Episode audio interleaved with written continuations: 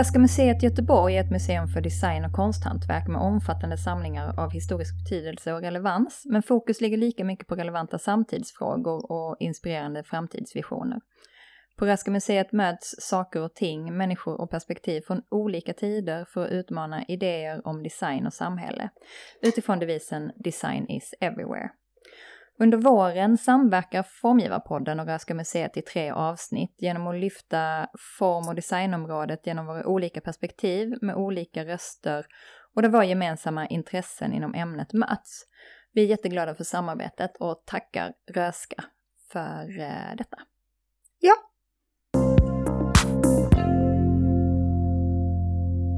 Hej och välkommen till Formgivarpodden. Det är jag som är Karin.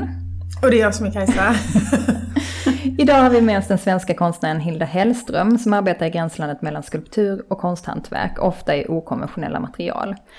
Hilda arbetar framförallt med gjutprocesser och i hennes arbete finns referenser till geologi, arkeologi och mytologi. Hellström växlar galleriutställningar med offentliga utsmyckningar och hennes verk återfinns i flera museisamlingar. Nu sitter vi här i hennes studio i Köpenhamn varifrån hon är verksam. Hej och välkommen till Formgivarpodden Hilda. Tack så mycket. Roligt att du är här. Ja, jättekul att få vara här. ja, så himla härligt att få vara i Köpenhamn. Um, du blev ju uppmärksammad med ditt examensarbete vid, eh, Royal College of Art 2012. Som uh, heter The Mat Materiality of a Natural Disaster. Mm. Uh, och det projektet har ju både en yttre och inre berättelse. Kan du berätta lite mer om det projektet och vad det handlar om?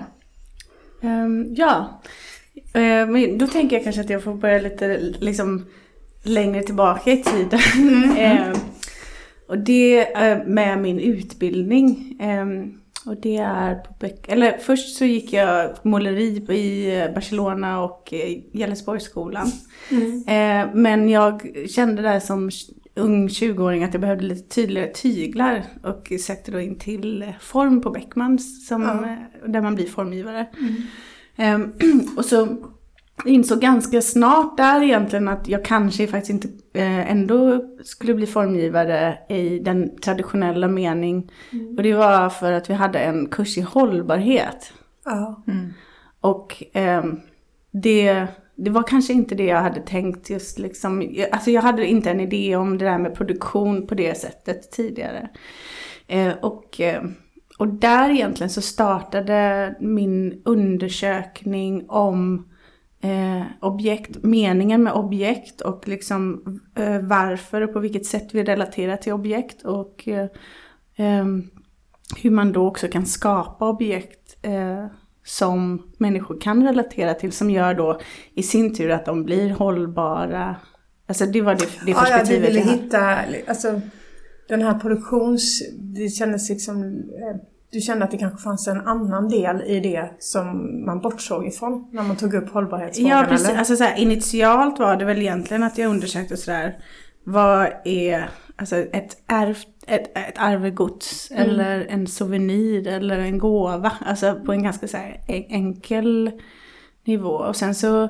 Alltså de inneboende liksom... Betydningarna betyd, som man liksom lägger ja. i ett objekt. Och mm. varför man sparar ett objekt. Mm. Eh, och sen så utvecklade sig den researchen till också så här mytologiska objekt och eh, objekt som vi ser i antropologiska museum mm. och sådär som vi liksom höjer upp, alltså kulturhistoriska objekt som vi höjer upp till en viss status eller mm. du vet varför Marilyn Monroes klänning som hon haft en gång säljs på ja. auktion för hur mycket pengar som helst sådär. Mm. Alla de där objekten har ju en inneboende berättelse. Mm. Och det gör ju att vi liksom höjer upp den till en status som är väldigt långt ifrån slit och släng liksom. Mm. Så det var väl där någonstans redan som den här researchen eh, började. Och det är den jag jobbar med fortfarande egentligen då. Mm. Eh, ja men klipp till... Nej, men, cut! cut. Så, eh, ja, men så eh, började jag på RCA, då, Royal Art i London. Och eh, där så gjorde jag då mycket film. Eh, alltså jag gjorde film och så, så gjorde jag eh, props, alltså jag gjorde... Eh, rekvisita. rekvisita. Eh, Och så eh, ställde jag ut eh, rekvisitan tillsammans med filmen och så skulle liksom filmen berätta eh, historien om de här objekten på något sätt i relation. Ehm, Men jag insåg väl att det var liksom inte så många som kunde relatera till det. Alltså att det var ju ett fiktivt narrativ som jag hade hittat på. Så det, det liksom blev inte, de där, eh, de där rekvisiten blev inte så laddad som jag hade hoppats på liksom. Ehm, Så jag eh, var tvungen att hitta någon form av världsomspännande eh, narrativ som många kunde relatera till. Och då kom då eh, Fukushima-katastrofen in i bilden. Eh, och då var det ett år efter eh, den här Daiichi Fukushima eh, eh, kärnkraftverkskatastrofen hade hänt. Och min japanska kompis på skolan hjälpte mig att ta kontakt med eh, Naoto Matsumura som var en risbonde som bodde i området. Eh, och han ville mötas och jag åkte dit då till den här evakuerade zonen och han var den enda personen då som bodde kvar. Och som vägrade flytta och så tog han hand om djuren där. Och då gjorde jag en dokumentär om honom. Och sen så, så grävde vi upp jord från hans risfält. Som jag då gjorde till serveringskärl som hade en typologi som refererade till agrikulturen i området. Alltså det var ett eh, fiskfat och det var ett, ett ris, eh, en risskål och salladsskål och sådär liksom.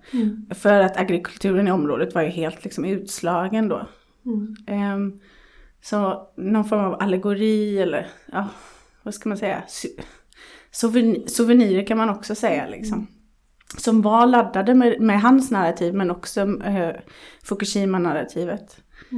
Ehm, och liksom parallellt med, med den här, de här filmerna jag gjorde så var jag ju också på mycket så här, eh, antropologiska museum runt om England, alltså Pitt Rivers är ett fantastiskt museum. Ehm, så att de har ju också den här estetik, den här lite så här förhistoriska Ja, estetiken det, ja, ja. som liksom refererar till det på något sätt också, eh, de här objekten. Ja. Eh, Hilda, du arbetar ju ofta med eh, akrylbaserad gips, alltså jasmonit. Eh, och många av dina tidigare verk blandar du i olika färger för att återskapa marmor eller sten. Gemensamt för alla de material du använder eh, är att det går att gjuta. Hur viktigt anser du att narrativet kring materialet som geologi och gjutprocesser är för dig i din verksamhet och ditt konstnärskap? Ja men det är ju jätteviktigt, det är liksom grunden till eh, hela min praktik. Ehm, och eh, alltså det här med eh, material som narrativ, det har jag förklarat lite då när, med eh, The Materiality of a Natural Disaster. Ja. Eh, Men för mig så är också, eh, alltså nu arbetar jag jättemycket med Jesmonite men det är inte för att jag älskar, eller jo jag älskar Jesmonite men det är, det har att göra med gjutprocessen och faktiskt inte materialet i sig själv. Ja. Och det är ett jättebra gjutmaterial.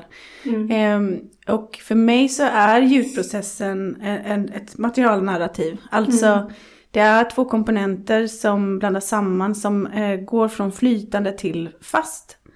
Ehm, och när jag har blandat i pigment i det så, har jag, så, kan, mm, liksom, så kan jag på så vis påvisa materialets eh, tillblivelse. Alltså att man kan Ja. se hur det var när det var flytande och sen så, så, så är slutresultatet eh, liksom fast eller hårt.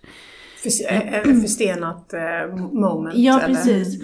Så, att jag, så det, det där med eh, pigment, men jag har också arbetat med alltså, gjutformer som är elastiska eller expansiva som också på, på så vis eh, pratar om det flytande materialets tyngd och så vidare. Och sen så härdar det i, i den formen så att det liksom fortfarande kanske se, ser mjukt ut. Men det alltså på olika sätt visa eh, den berättelsen, alltså så här, eh, det materialets tillblivelseprocess. Och, och så är det liksom med geologi är ju faktiskt att det är ett gjutmaterial. Och en geolog kan ju peka på eh, en bergartsstrata och säga så här blev det här till. Eh, och, och det är också ett material som har ett minne som har varit något annat stoff tidigare och sådär. Så att det är liksom, geologi är övergripande och liksom binder samman just det här, eh, de här olika narrativen för mig. Mm. Och så tar jag inspiration eller refererar till det på olika sätt. Men jag menar det är ju närvarande både i Fukushima-projektet och också i gjutprocessen här liksom. Finns det någon annan teknik eller material som ni är sugen på? Eller är det... Ja, men det, alltså, ja, alltså det senaste, um, senaste två utställningar som jag haft här så har det varit väldigt mycket olika material. Alltså nya material för mig, eller ja, alltså silikon och glas och eh, trä och sådär. Eh, och jag känner nu faktiskt att jag ska samla mig. Så att, eh, och eh, att jag ska jobba vidare mer med eh, gjutprocessen. Eh, mm. sam, ja. Hur då? Alltså sam, samla dig? Nej men alltså att vara mer konsekventa. Mm. alltså att jag kan eh, tycka att jag blir pepp på att testa någonting men det är också viktigt, alltså så här, alltså det är klart att jag har en, jobbat djupgående med djup, djupprocess, alltså ljudprocesser hela tiden egentligen. Men, men jag tänker liksom att det är också så här formalistiskt, estetiskt. Nu ska det liksom, nu får jag samla mig lite. Så, mm. så har jag tänkt i alla fall. Mm. Eh, och eh, då så, så, så nu så har jag liksom utvecklat det här med ljudprocesser. Det handlar väldigt mycket också om ljudprocessens eh, problematik. Alltså just det här med, med ljudformen. Alltså det här med att, att visa i ljudformen att det är gjutet typ. Liksom. Att det är ett material i transformation. Men också det här med positiv och negativ form. Eh, som, alltså alla gjutna material har ju gjutits i en form och då mm. är det liksom ett, eh, ett positiv och negativ form och jobbar också med det, med det. Så det är det som jag tänker alltså jobba vidare med just nu liksom. Mm. Eller framöver i alla fall. Och inte ett nytt material. Eh, mm. Eh, äh. Ja, spännande. Men, men, känner du att du måste, eller finns det liksom en begränsning? Eller är det liksom för att du tänker att andra behöver se din konsekventa linje? Eller är det? Ja, um, andra och jag själv tror jag också. Ja. Alltså jag gör liksom också så här ibland ett moodboard med mitt eget arbete för mig själv. Bara för ja. att liksom eh, ta bort det som egentligen inte är relevant för liksom hur jag ska utveckla. Alltså så här, mm. bara för så här, ja men just det. Det är det här som liksom jag vill utveckla och, och, och fortsätta med. Mm. Um, så det kan vara jätteförvirrande. Alltså så här, man är ju så otroligt mycket i sitt eget huvud och mm. eh, ensam i sitt, sitt arbete, i, i sitt mat, alltså material och sin ateljé. Så att det, ibland så är det, och det är så mycket intuitiv kunskap som kommer in i processen så att det är också svårt att så här, eh, veta vad som är vad ibland. Liksom. Mm. Um, och det är jättebra de här, eh, när man gör stipendieansökningar och sådär, så, så måste man ju skriva sig ett nytt så här statement om vad man, alltså så här, det är också samlande liksom. Mm. Så mm. um, på så vis. Eh, hur ser din process ut när du ska ta fram ett nytt projekt för en utställning eller en offentlig uh, utsmyckning? Ja men då, det börjar ju alltid med just eh, en berättelse, ett narrativ. Mm. Och det kan vara en, eh, alltså en natur eh, eller kulturhistorisk berättelse.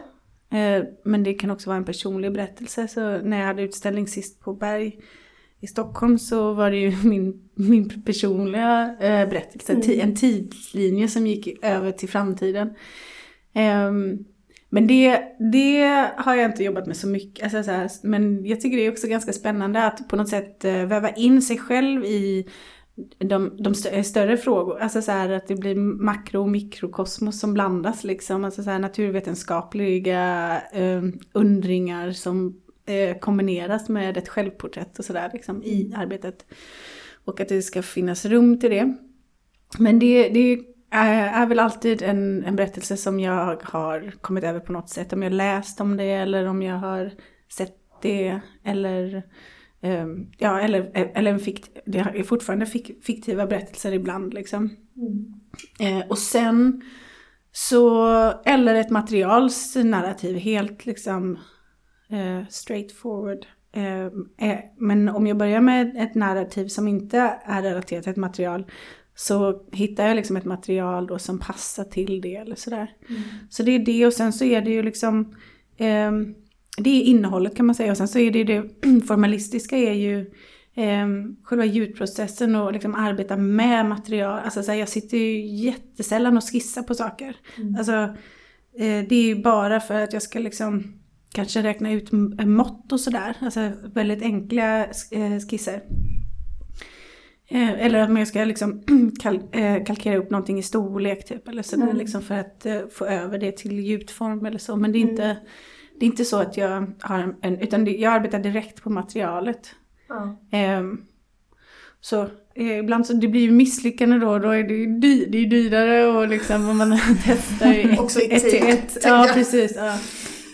men, eh, det är, men det är för att det är väldigt svårt tycker jag att se innan det liksom har gjorts på något sätt. Mm. Liksom. Mm.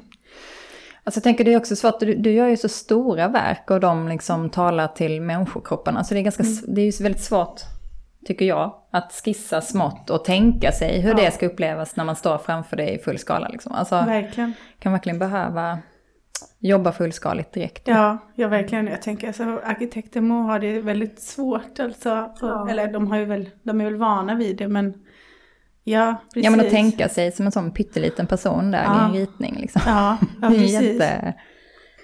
Eh, du har ju också liksom samarbetat med många olika institutioner. Eh, eh, på vilket sätt påverkar det din process? Alltså om vi tänker att du ska ta fram någon utställning eller utsmyckning eller så. Mm. Eh, ja men med utsmyckningar så är det ju ganska mycket restriktion, eller så här mycket saker man ska tänka på. Eh, och eh, behöva involvera också ingenjörer och sådär i processen för mm. att allting ska hålla. Ehm, men ja, alltså konceptuellt så har jag liksom fått väldigt fria tyglar tycker jag varje, varje gång. Så det, det, är inte så att jag känner att någon har varit involverad i hur jag går tillväga och sådär. Men bara, bara det liksom blir riktigt gjort. Så. Mm. Och, ja. Men eh, ja, du har ju med eh, många eh, av dina objekt i eh, museisamlingar och bland annat då Röskas samling. Eh, kan du berätta om just det verket som är med i Röska? Mm. Den, den heter då The Inside and the Outside, eller The Inside, The Outside. Och det är en diptyk, alltså det är ett verk som är delat i två delar. Och eh, det ena är då en, eller båda två är pelare med ett kärl på. Det är ett arkiton, arkitektoniskt eh, element. Eh, nästan som en, alltså en arketyp av en, en, liksom en marmorpelare med ett kärl på kan man säga också. Så att det är, eh, ja, om du ska göra något marmorerat, vad skulle du göra då? Ja, men då skulle du göra en, liksom en pelare med ett kärl på liksom, som du kan se i en park, en renässanspark eller något sånt där. Mm. Ja. Så det blir liksom en tolkning eller en appropriering av ett kulturhistoriskt objekt eller ett geologiskt material. Och sen så, men när jag gjuter den då, så gjuter jag den i en, i en träform Eh, och pigmentet i, trä, eh, i, eh, gjutmaterialet, i jasmoniten, överförs på träformen. Så när jag öppnar upp den så är det liksom en, en spegelvänd bild av marmoreringen i träet. Mm. Så jag har använt det här träet och vänt ut och in och gjort en, ett podium av det och satt liksom ett, ett, ett, ett, ett lerkärl på det. Så det liksom blir som en skugga, alltså det blir en tolkning av det som är en tolkning mm. av naturen. Lite, mm. lite meta. Ja, det är meta. Fast väldigt fint. Ja, men precis. Och, och så det, då är det liksom det inside är alltså det gjutna och det outside är gjutformen som då har blivit liksom inverterad. Mm. Alltså det är ju den här eh, sedimenteringsprocessen som jag har jobbat med sedan 2011 då kanske. Eh, och, men med, kanske på ett lite mer experimentellt sätt. Eh, där den här eh, gjutproblematiken som jag arbetar med just nu väldigt mycket med gjutform och sådär eh, har fått komma in och jag tror att det var det också som Räska gillade att Det är liksom som en brygga, alltså någonting av det som jag har hållit på med men också liksom någonting nytt typ sådär. Mm. Kanske där en brygga över till det där du är nu, Nu, och precis. lite vad du sa, jag vill samla mig och ännu Ja. mer då gå in i... Ja, Mm. Spännande. Men eh, hur viktigt är det för dig att institutionen samlar på dina verk? Är det viktigt liksom, i din praktik? Men det är liksom eh, en CV-grej mest. Mm. Liksom, eller så. Och eh, jättekul om de har den framme såklart. Men det är inte Mm. alltid säkert att, eh, att de står framme. Men, men om de har det är det ju jätte, jättekul. Mm. Och att det finns en relevans i det och att det ska liksom eh, bevaras för den här perioden i tiden som vi är nu. Typ. Ja, precis, att det ska finnas kvar där i samlingarna Ja. sen. Ehm, du har också arbetat med att ta fram många offentliga utsmyckningar, som jag berört lite ju. Och just nu är det aktuellt med ett nytt verk för Stockholms universitets bibliotek. Ehm, kan du berätta lite mer om det verket? Mm. Ja, det är då eh, i, som du sa, i Stockholms universitetsbibliotek eh, i ett atrium som är 13 meter högt, ett glasatrium. Eh, och det är ett verk som är delat i tre delar. Eh, så det är två rätblock på de två understa våningarna och sen så är det en kub högst upp som har en terrakottaform i sig. Ehm, och eh, utgångspunkten då, som jag, jag, när jag berättar om min process då, det är ju då, berättelsen är omkring kisel. Grundämnet kisel. Och det kommer sig av att, eh, alltså det är helt enkelt är ett glasatrium och eh, glas är då gjort av kiselsand. Men också för att kisel upptäcktes av vetenskapsmannen Jakob Berzelius som högst upp i atriumet så det sitter det liksom en relief på väggen. Eh, alltså i, i korridoren bakom så sitter det en relief på honom och an, andra vetenskapsmännen. Och också att han var så här, eh, han var ständig sekreterare på Kungliga Vetenskapsakademin som ligger på andra sidan, vad är det, Roslagsvägen eller? Ja, vid universitetet, precis där. Så den har liksom en geografisk eh, betydelse det här. Och också att jag tidigare i en katalog, eh, i en utställningskatalog så hade jag skrivit om eh, kiselalger. Och kiselalger då är eh, alger som har ett eh, membran av kisel. Och de tar upp kisel ur vattnet. I både söt och saltvatten lever de. Och så tar de upp kisel och så skapar de det här membranet. Och de står för 20% av syretillverkningen eh, i jorden, på jorden Mhm. Coolt. när kiselalger dör så faller de ner på havsbotten och sedimenteras. Eh, och eh, skapar eh, den väldigt porösa sedimentära bergarten kiselgurr. Mhm. Eh, och så om den här sjön eller det här havet eh, torkar ut, alltså vi pratar om tusentals år, så, ja, men så, ja, men så ligger den här liksom stenen eh, eh, ja, vid ytan helt enkelt. Det finns ett stort område vid, eh, i Chad i Centralafrika som heter Baudelaire depression, depression eh, s- som är vid sidan av Sahara. Som är ett jättestort eh, ö- ökenområde eh, som är av kiselgurr. Och kiselgurr är väldigt näringsrik sten. Alltså det är väldigt mycket, alltså mineralerna på grund av kiselalgerna. Och så, så årligen så är det starka stormar som kommer över eh, Baudelaire. Som tar med sig damm från den här porösa kiselgurren och reser över Atlanten och faller ner över Amazonas. Mhm. Och eh, Blir som gödsel då? eller? Ja, för att Amazonas, eftersom det regnar så mycket där så är jorden så dränerad på näring så att det är, har visat sig att det är också ett sätt för Amazonas att överleva. Alltså de är beroende av de här eh, vindströmmarna som kommer från eh, Afrika. Så vad man kan prata om här är liksom någon form av eh, naturmysticism nästan. Alltså det är liksom de här... Eh, Eller alla de här dolda ekosystemen som vi inte ser med blotta ögat som vi Mm. måste liksom studera för att komma åt och förstå och vi förstår kanske ändå inte det riktigt. Exakt. Eller hur? Ja men det är så fint och så, så sker det liksom på den lilla nivån och den, alltså så här mikro och makrokosmos. Ehm, Så och så är det alltid vackert när mm. vind mm. transporteras. Ja. Alltså det är ju väldigt fascinerande. Ja. Det är ytterligare en så eld, vatten, alltså de fem elementen mm. och sen så ihop med... Verkligen. Att det färdas så långt också. Ja. Att det, liksom... ja, det är långt. det är verkligen långt. ja. ja. Men då har jag i alla fall eh, gjort en tolkning av det här. Mm. Så när man kommer in på grundplan eh, så möter man ett, ett stort rätblock, eh, en, en monolit som, som liksom ser ut som ett, ett eh, stenblock som har kiselalger i relief i sig, nästan som fossiler. Mm. Men när man går runt den så ser man att den är faktiskt gjuten på en träkonstruktion, lite som en kuliss. Mm. Eh, och det är ett sätt att visa på liksom den här, det här dekonstruktiva sättet att tänka kring material, att man liksom pillar sönder det för att liksom bygga upp, alltså så här se delarna och helheten på något sätt. Mm.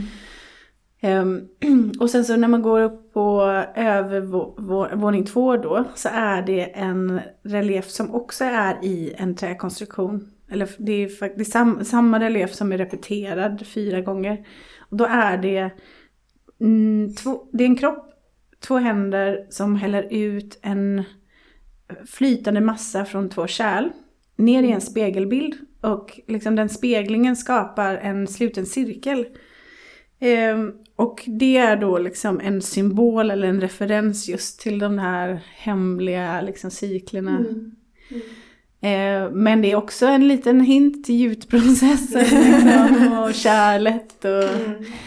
Eh, och sen högst upp så är det inramat en jättestor kiselalg i terrakotta. Mm. I, en, I en kub liksom. Så mm. Mm. Ja, det låter ju helt fantastiskt. Det vill man ju se live ja, får... När man är i Stockholm. Ja, precis. Ja, men det är öppet för allmänheten ju. Mm. mm. Eh, varje gång vi har någon med oss här så brukar vi prata om, eh, liksom välja tema eh, som vi har kommit överens eh, eh, om med den som är här. Och då valde vi mod, att prata kring mod och också förankrat eh, med dig Hilda, förankrat till kreativitet och så vidare. Mm. Eh, och vi tänkte lite på att du har gått från lite mindre saker till att faktiskt börja jobba ganska storskaligt. Mm. Att det krävs ett mod för det och att det liksom är där vi tar avstamp mm. ifrån. Och så mm. kan vi diskutera det fritt mm. liksom om det behövs mod i formgivning och i konst och, mm. i, och vad det är. Typ. Mm. Ja, shoot girls! ja. Nej men jag tänkte på det, för jag såg på ditt Instagram, eh, alltså installationsprocessen, eller det, det ligger en film från installationsprocessen av det verket som vi precis pratade om. Där det är någon som liksom är uppe och klättrar i någon sån här bergsklättringssele eh, på ditt verk. Att jag bara känner så, fy fan vad modigt att liksom våga göra ett sånt stort verk som ska hänga liksom uppe i luft. Alltså hur man mm. liksom att jag tycker det var spännande att höra om du har tänkt på att vilket mod eh, du har liksom inneboende som vågar ta dig an de svinstora projekten. Plus att det ska gå människor kanske under. Ja, precis. Mm. Men det, ja, det hade varit obehagligt. Men det är liksom en, ehm, det är inte så många, alltså det är eh, bara det är typ bara om man ska tvätta fönstren som man, man rör sig under dem. Mm. Liksom. Mm. Så om det faller ner så är det liksom verken som går sönder. Ja. Så det är inte... Eh, men det är, jag tycker jag är livrädd. Eller liksom det, men om man får en, en, en ehm, ett sånt projekt så, så, så jag blir jag tvungen att fylla det, det Alltså fylla det. Ja, den kostymen också. Ja. Alltså ja. fylla ut. Och det har du gjort innan med ju. Ja. Alltså tidigare utsmyckning och så vidare. Du har ja. gått upp väldigt i skala. Ja, precis. Eh, men eh, alltså, men, men jag tror mod är väl just ifall man tycker saker är läskiga men gör det ändå mm. på något sätt. Eh, och att, för att det känns som att det är viktigt och att det behövs och, och så. Mm. Ja. Men jag tyckte, jag har kollat upp eh, en grej, det är, jag tyckte det var lite fint. Eh, han är Josef Albers, grundare av Bauhaus, eh, rörelsen och arkitekturskolan. Han sa liksom den bästa utbildningen är ens egen erfarenhet och att experimentera överträffar studierna. Att börja med att leka är liksom att utveckla mod. Mm. Eh, och, och som leder på ett naturligt sätt till uppfinningsrikedom och ett sätt att bygga som främjar den pedagogiska, lika viktiga upptäckten.